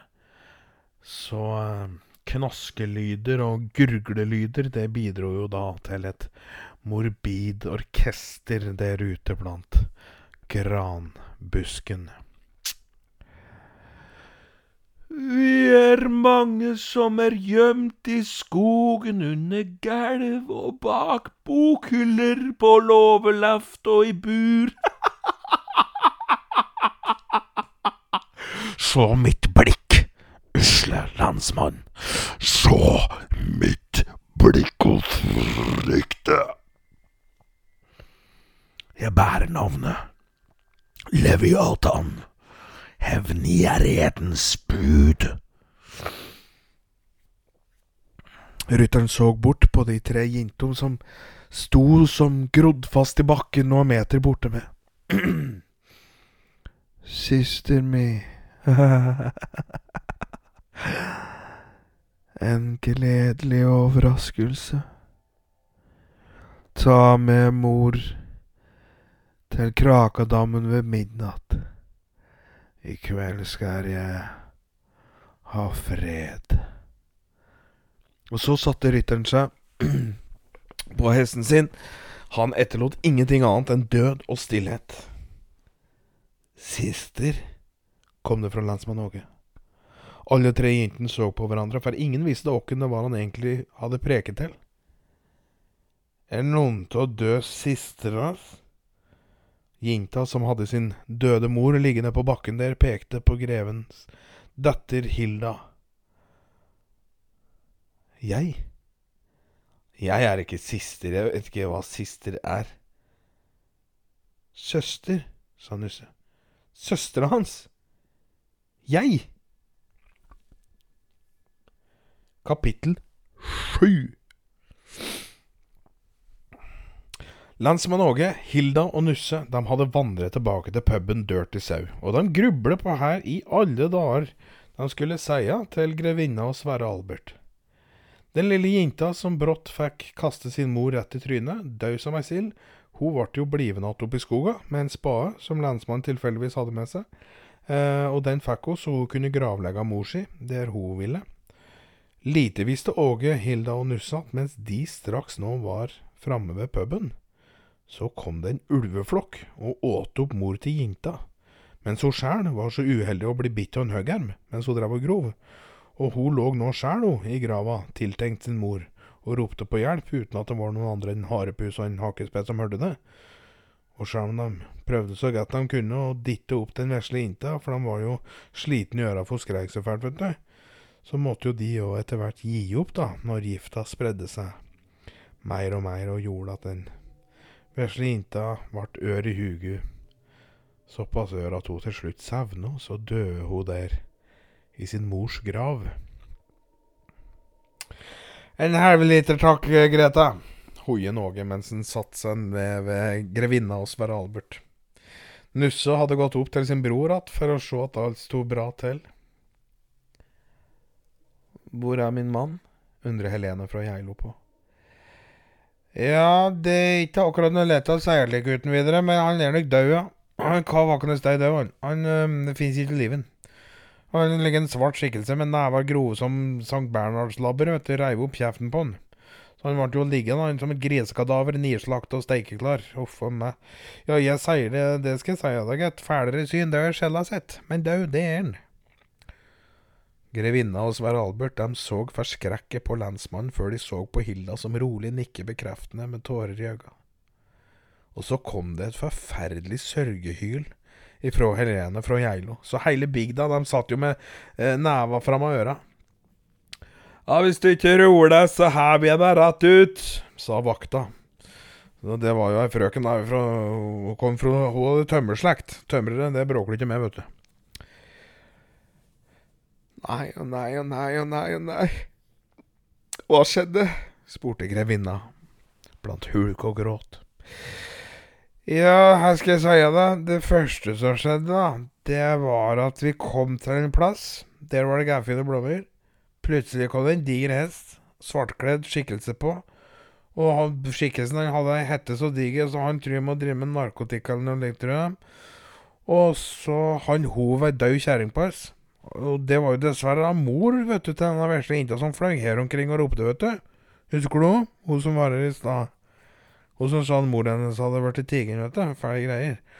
Ja, og så jeg og han jålebukken din. Vi fikk vet du, døde kvinnfolka. Slengt rett i trynet, vet du. Så vi datt i bakken. Og jeg fikk Å, fy faen, jeg fikk så vondt i catchingen. Og hest det gikk med snobben din, det veit jeg ikke. For jeg var gæropptatt med å ta vekk ei rot, det som jeg fikk i ryggen. Og så fikk jeg flis på høyre skinka mi. Og jeg sto og plukket løv og, og kvist til ræva, og, og så gævondt i Ja, så gævondt i catcheriggen det jeg lå. Uff. Og daue folk, vet du. Daue folk. Da, jeg måtte jo Jeg måtte jo Jeg måtte daue folk eh, bli dyttet bort. Så det Uff a meg. Og døde folk, eh, Helene, de er så tunge at det skulle ikke vært lov. Det bare sier jeg. Og jeg kaver meg den rota, vet du. Så hører jeg gubben på hesten. Han begynte å preke om så rare ting. Se under gulv og bak hyller og vet du. Og gud vet da faen hen vi måtte drive og se rundt, for jeg, det var så mange visstnok som bare var i skoga og sånn. Nå, jeg skjønner ikke hva du, hva du snakker om, herr lensmann. Nei, da får du holde kjeft og følge med. Stedet for å avbryte meg, da, vet du. Kanskje du får med deg. Og så Og hvis du Kommenterer du dialekten min nå? Hvis du prøver å kommentere dialekten min, kjære frøken, det, da skal jeg pent ha her deg for æreskrenkelse. Det sier jeg deg, du. Uansett, ta på meg hvis du vil, men bare tenk på det. Denne rytteren kava om at Hilda var ei sister, altså søster. For det skjønte ikke Hilda noe av, vet du, at han sa sister, men det betyr søster. Og han sa at Glitterkukken var en løgner og en bedrager. Og noe mer enn det fikk jeg ikke med meg for stemmen hans. Altså, den er så grumsete òg, da, vet du. vet Fy faen, stemmeskiftet der i går, vet du, det var ikke bare bare. Det kan jeg bekrefte brukbart 100 vet du. Og, jeg, og det var tonen på en fligger opp og ned hele tida, og plutselig preker han djupt, og så preker han djupt, vet du. Nei, det var helt utrolig. Uff a meg, nå ble jeg sulten. Grete! Grete, har du noe ebbær jeg kan få på ei brødskive med smør på? Takk skal du ha, du er en engel, Grete. Åh, jeg kjenner jeg blir het igjen nå. Så hvis du vil, så kan jeg være kosteskaftet ditt om du vil være heksa mi i kveld. Grevinnen så på Hilda med skarpe øyne og stram munn. Var det alt han sa? undret grevinna på. Nei, svarte Hilda. Han ba meg ta dere to med til Krakadammen ved midnatt i kveld. Grevinnen fnyste av det hun hørte. Stemmer det. Ja, jeg reiser dit samme tusen, ja, da, for det kan jo hende skal spille litt Bias Bernhoff på kveldinga, så da blir jeg fort litt lea løs i dansefonen, for å si det slik. Må jeg bli med? undrer Sverre på Sverre Albert på. Nei, ingen av oss skal til noe Krakadamme midnatt, svarte grevinnen. Han kommer uansett til å finne dere i natt, om dere er her eller der, sa Hilda. Grevinnen satte igjen øynene ganske hardt i Hilda. Jeg bare sier det. Han sa det i skogen. Det var lettere enn han trodde å få tak i oss. Nå tier du stille. Kjære lensmann, eh, vil det være mulig for oss å overnatte på din stasjon i kveld? undrer grevinnen på. Skal vi stenges inne på en lensmannsstasjon? Som det ble være trygt å være sammen der med den alkoholiserte fjompenissen der? smalt ifra Hilda. Du tier stille. Det er jeg som bestemmer, ikke du. La det være klinkende klart, ellers så sover du ute. Ja, det er greit. Da sover jeg heller ute, svarte Hilda, og blikket hennes viker ikke for sin mors. Nei, Hilda, vær så snill, ikke sov ute. Det er monstre her, ja, kom det fra Sverre Albert. Hvis det er det du vil, så samme for meg, men jeg og min sønn, lensmann Åge, vi vil veldig gjerne få bo på din stasjon i natt, hvis det er greit. Landsmann Åge, han så seg rundt på puben. Foreløpig var det god stemning der, og det satt eh, langbord på langbord med folk som alle gliste, skålte, fortalte hverandre røverhistorier og vitser. Det var jenter som flørte med gutter, og gutter som sjekket opp andre gutter, og jenter som sjekket opp andre jenter, og, og gutter som sjekket opp jenter, og besteforeldre som drev og pekte og lo da, til at barnebarna deres drev med rævkrok, og unga deres så for så vidt. Ja, jeg tror det skal gå fint i kveld. Grevinne Helene fra Geilo. I kveld ser det ikke ut til at det blir noe bråk. Og hvis en Bert Hyssing blir vanskelig i kveld, så Ja, da tar jeg heller og scooter og blir ferdig med den, altså, enn å drive og dra han inn i kasjotten for ørnte gang. De satt og drakk ei lita stund til, før grevinnen spurte pent om hun og Sverre Albert kunne få gå og legge seg. Lensmann Åge sa at det var greit, men at han hadde ingen planer om å legge seg. Helt ennå, for han eh, hadde lovt Grete å være kosteskaftet hennes i kveld. Hilda sa tydelig fra om at, eh, at hun hadde ingen planer om å bli med til stasjonen for å legge seg, til tross for innstendig trygling fra hennes mor. Men Hilda insisterte på at hun skulle ligge på hotellrommet de hadde blitt gitt. Da de kom fram til lensmannsstasjonen, så tok Åge og satte fram et brød, litt leverpostei og smør, eh, fram til eh, Fram til de, da. Eh, I tilfelle de skulle bli sultne. Og han informerte om at det sto en melkeliter i kjøla om de skulle trenge det. Hva gjør vi hvis den hettemannen kommer i kveld, da? undrer Sverre Albert på. Ja, det veit jeg ikke egentlig, men du kan jo lese at det der er på innsida her, vet du. Det er ganske robust der, den der, der så det er ikke, ikke så lett å komme seg inn. Det er ikke det. Da gjør vi det, sa grevinna og takket for maten.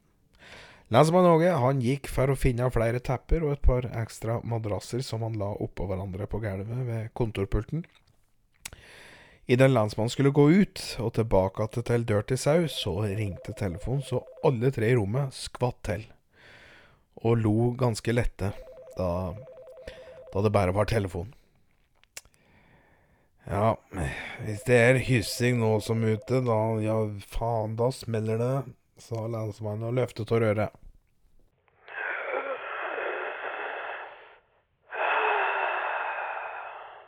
Grete. Hallo, har du begynt uten meg, Grete? Du, du, hvis du driver og fingerknuller deg sjæl nå mens jeg ikke er der, da blir jeg sur altså, for jeg er på vei nå. Grete, nå kommer jeg. Veit hen de er. Ei, så faen skjære. Er det det? Åh, kan ikke du bare gi tusen i å ødelegge denne dagen her, da? Åh, og snart Nå ødelegger du hele helga. Du, det er da Morten. og det er ikke tida for å være fæling og gæren nå, vet du.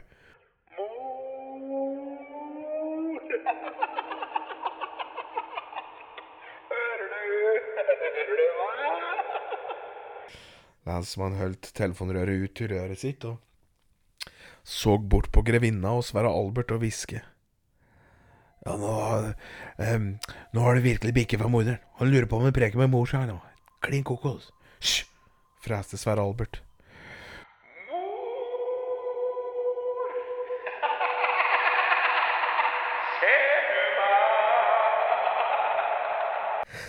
Stemmen. Den kom ikke bare fra telefonrøret. Åge, Helene og Sverre Albert de sprang mot vinduet og glana ut. Og i telefonkiosken så sto det en skikkelse med et hat i blikket som sendte frysninger til alle som så det. Helene begynte å skjelve febrilsk og satte neva i vinduskarmen for å ikke kollapse. Mamma, hva er det? Mamma, hvem er det der? undret Sverre Albert på. Mor, ser du meg nå? Jeg er her, under hevnens fane, ormens krans, jeg står her nå, din sønn. sa skikkelsen der han nå hadde trådd ut tur telefonkiosken og sto med fronten mot lensmannsstasjonen. Her er det Anna preker om du. Sønnen din, har du en annen sønn, eller? undrer Åge på. Nei, jeg aner ikke hva det er han snakker om. Mamma, slipp meg inn. Hjelp, jeg er redd, mamma. Hørte Hallo?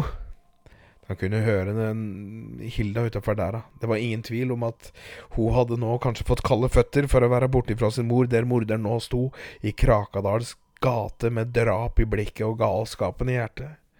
Helene fra Geilo åpnet dæra og skulle til å gripe fast i hånda til Hilda, men hun skvatt når hun så den svarte skikkelsen, dødens skygge, komme i full spurt ned gata og mot Helene og stasjonen. Kom inn, jen- jenta mi, sa Helene, men hun ble overrasket over at Hilda stritt imot. Faktisk motsto Hilda dragningen ifra sin mor, og prøvde heller å dra sin mor ut tur stasjon. Her er det du gjør, ropte Helene. Slipp meg! Helene skreik og skreik, og det samme gjorde Sverre Albert, som ikke skjønte hva det var som foregikk. Men han så i vinduet at dødens rytter kom springende i full spurt mot mor hans, som nå klamret seg fast med den ene hånda i dærkarmen inn til stasjonen. Mamma! Mamma! ropte Sverre Albert.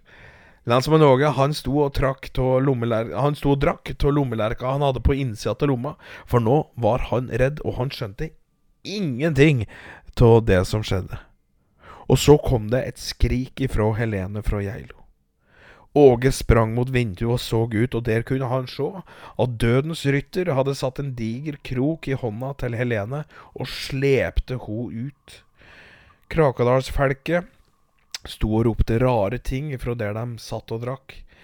De trodde nok dette var en del av underholdninga Eller underholdninga handelsstanden hadde drevet og stelt i stand, men lensmann Åge han viste at det var det ikke. Lensmann Åge han klappet Sverre Albert på skuldra og ba han om å bli der inne og lese til dæra når han hadde gått ut. Og han måtte ikke åpne opp den dæra der for noen andre enn han.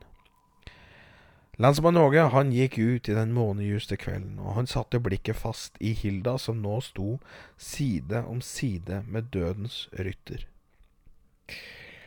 Ja, jeg har en pistol i lomma, og det er ikke pekeleken min jeg preker om, det er en pistol jeg har arva. Den er det kuler i. Nå foreslår jeg at vi nøster opp i dette faens kaoset som du har stelt i stand på denne dagen der. På selveste nasjonaldagen til Krakadalen så har du laga et helvetes kaos, og folk er døde. Unger mister foreldrene sine. Og jeg finner folk bak bokhyller og faen ta. Men der, nå svarer du meg, din stygge mann. Her faen er det du vil? Et skarpt glis kom til syne under hetta, og sakte tok dødens rytter tak i hettekanten og la hetta si bakover. Under hetta hadde det gjemt seg et smalt ansikt som var glattbarbert. En hentesveis var det der, og et øye. Rett og slett, det manglet et øye. Faktisk så manglet det òg et øre på dødens rytter. Så der sto han uten hette, og han virket ikke så skummel. Men rart var det lell, syns Åge, at et øye kunne spe ut så mye ondskap. Det kom et hikst ifra Helene fra Geilo der hun lå med en krok i håndflata. En krok som dødens rytter holdt i. Akkurat som om de holdt never uten å være nær noen.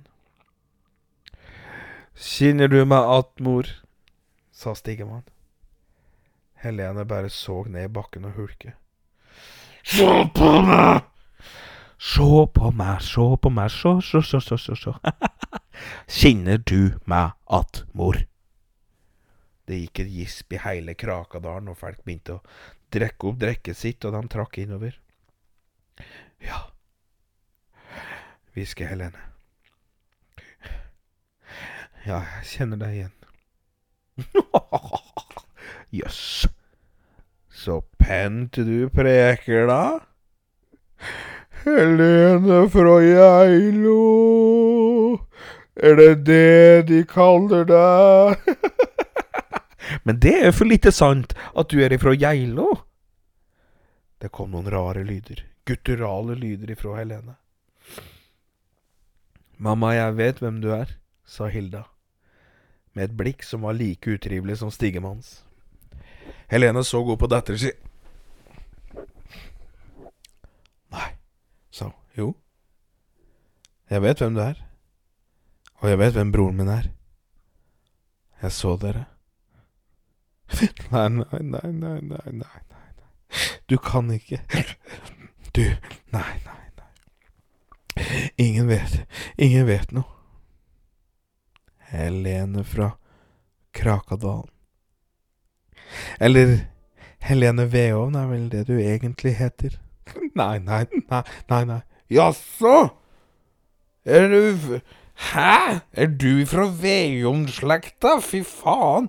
Det er jo den fæle slekta, det, gitt. Det gjorde du. Å, fy faen, vet du. Det er så jævla typisk at det er en Veum som skulle laga faenskap under Marten av meg.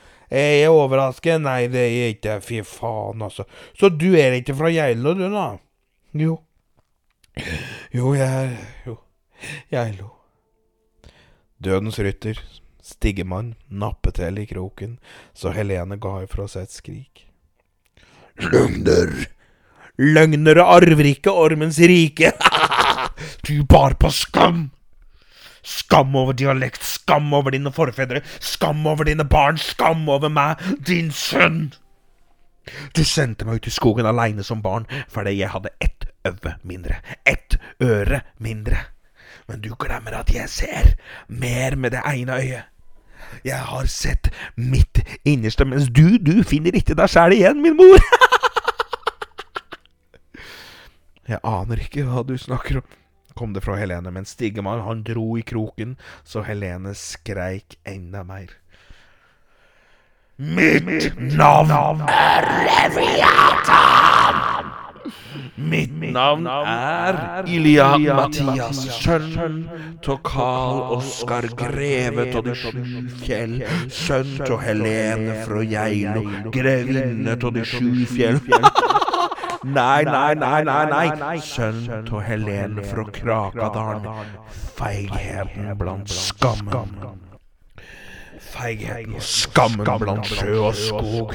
lot sitt barn vandre aleine så snart det kunne preke, for det tok for lang tid for barna å prate, for lang tid til at barnet kunne høre ordentlig, så lang tid at mor Helene, skammen fra Krakadalen, ikke fikk lese sine vakre bøker, og barnet var så stygt.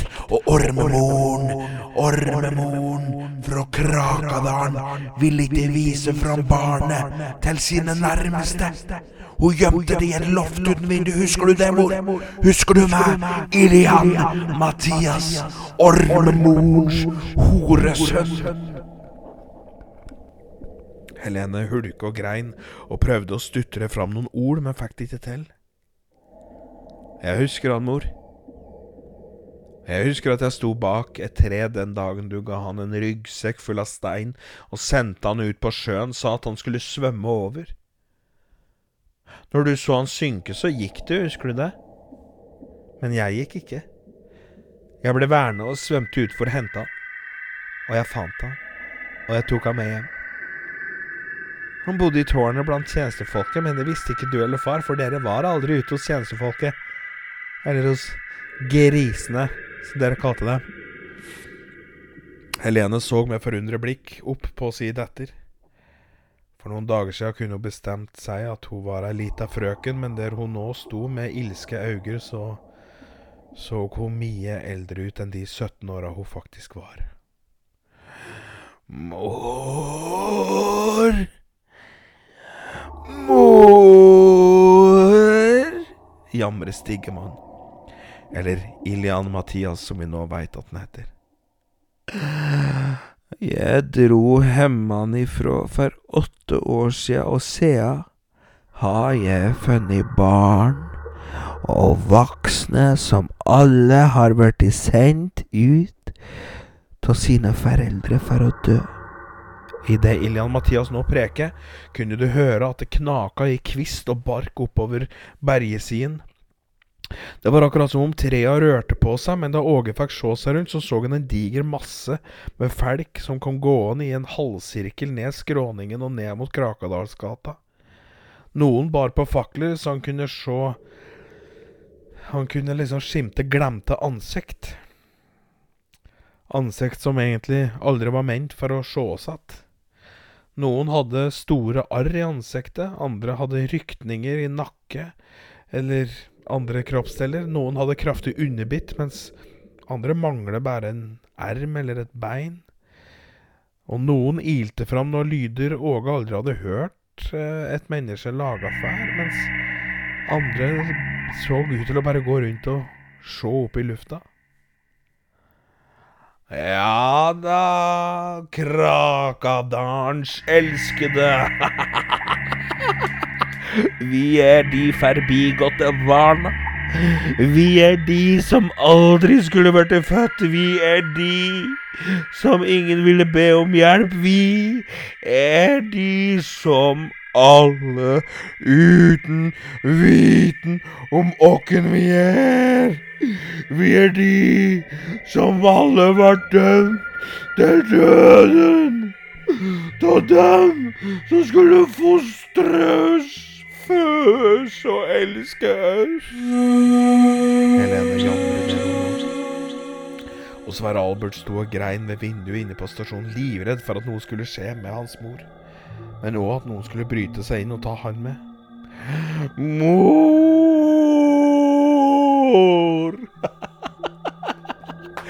I natt er det du som skal dømmes.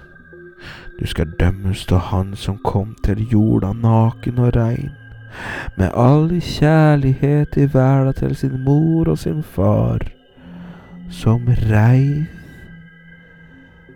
Som det reiv ut hjertet på, som det ville ta livet av. Hæ? Han passet sitte inn i adeltilværelsen med gull og diamanter. En gang holdt du meg i din favn, mor. Og i dag skal du ligge livløs og kald i min. Det gikk så fort. Det rykket gisp gjennom Åge og Hilda og alle de andre forlatte som sto i ring rundt Ilian, Mathias og Helene idet han drog kroken hardt ut så håndflata til Helene revne. Og plutselig satt kroken i bakhuget på Helene så dødskramper gjorde at man kunne kjenne vibrasjoner i, i, i, i bakken rundt. Ilian Mathias heiste opp sin mor med en, hånd og så bort på Åge. Vi har sittet i bur Stengt inne blant skygger og frost, vandre barføtt over glitrende is og kjent jorda. Gi all liv til det som tidligere lå dødt. Gir skjønnhet til alt som er født. Og nå er det vår tid til å ta bort alt det rætne, det tragiske og det feige. Ta de som ikke våger å ta ansvar, de må fjernes. sa Ilja Mathias. Ja Ja, det skjønner jeg, uh, men uh, Det du gjør nå Det å drepe folk slik, det kan jeg ikke tillate, og i hvert fall ikke uten Martenshelga. Så nå kommer ikke folk til å For nå kommer ikke folk til å preke om noe annet. De kommer til å være livredde for å være ute om natta. Og det ser jo ut som at du har en gærende fin flokk med fine folk bak deg, Stigamann. Um, og jeg skjønner jo det, at jeg ikke kan arrestere deg alle sammen. Men um, kan jeg komme med et forslag? Ilian Mathias tok noe skritt nærmere Åge, så han sto rett overfor. ham. Han nikka anerkjennende. Mm. Hvis du nå er av adelig slekt og glad i ansvar, for nå får du ansvar, ikke sant? Og du har først og fremst en liten bror der inne. Åge pekte på stasjonen, og i vinduet så sto Sverre Albert og grein. Han er ikke min bror, sa Ilian Mathias. Er han ikke bror din? Nei. de tok han inn fra en av tjenestefolka de hadde, for han var så mye penere enn meg. Så de tok han inn og sendte meg på sjøen. Ikke en eneste av de rasshæla stilte spørsmål ved at sønnen deres plutselig hadde blitt åtte år yngre og hadde fått et nytt navn, for de syntes franske navn ikke var kledelig lenger. Og jeg elsker franske navn, jeg. Ja. Men du, uansett, ok. Ja, ta han da enten tilbake da, til de ordentlige foreldra, som sikkert savner han. Ja, tenker du? Det, ja, det er klart det blir rart for han, men nå er jo begge de han tror er hans foreldre, døde, så han har jo ikke Han har ikke slik sett så mye å, å tape vet du, på å møte sine biologiske foreldre. Og, og du kan ta med deg søster di. Du kan leke greve og grevinne. Du får ikke drive med innavl. Det får ikke leve lenger, det tror jeg. Mm, Så, og så kan du ta med deg gjengen din. Starter du på nytt. Så gir du dem det livet de skulle hatt, og så lever du mm, som en greve. Mm? Og jeg lover ikke å si noen ting om hvem du er, eller noen ting, men kommer du hit en gang til og dreper folk, da er jeg nødt til å skøte deg. Og da skuter jeg deg først i pekken. Forhåpentligvis i ballestein først, for da får du gærvondt, og så begynner du å grine. Og så når du er nesten ferdig med å grine, så kommer jeg til å presse rifleløpet langt opp i rævhølet ditt, og så skuter jeg. Og døver du ikke da, så skuter jeg deg i det øvet du fortsatt har som funker. For da skal du daue, så da trenger du ikke det noe mer. Og funker ikke det, så skuter jeg deg i panna, for da skal du daue lell, så trenger du ikke å tenne seg noe mer. Er det forstått?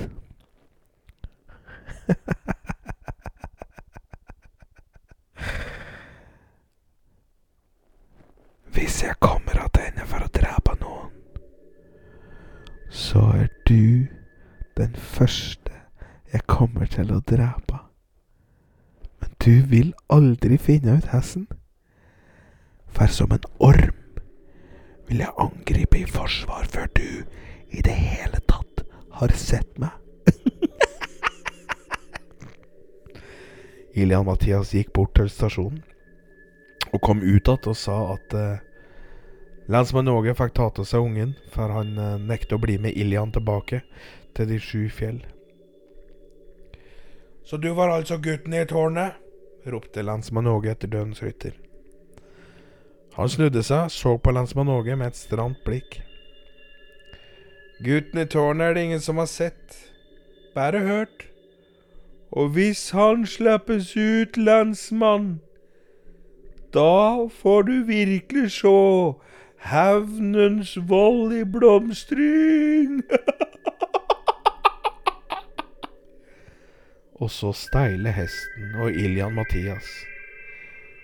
Og de ridde av gårde inn i skogen, med Hilda på riggen og de andre bortgjemte vandrende etter.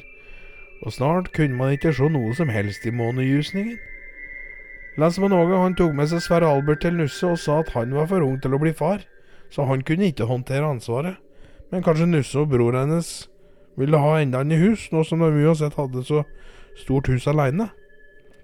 Og sjæl gikk han som en Åge til dør til sauen, og drakk alle sammen under bordet, og avsluttet den intense kvelden med Grete som lekte heks, mens han var kosteskaft.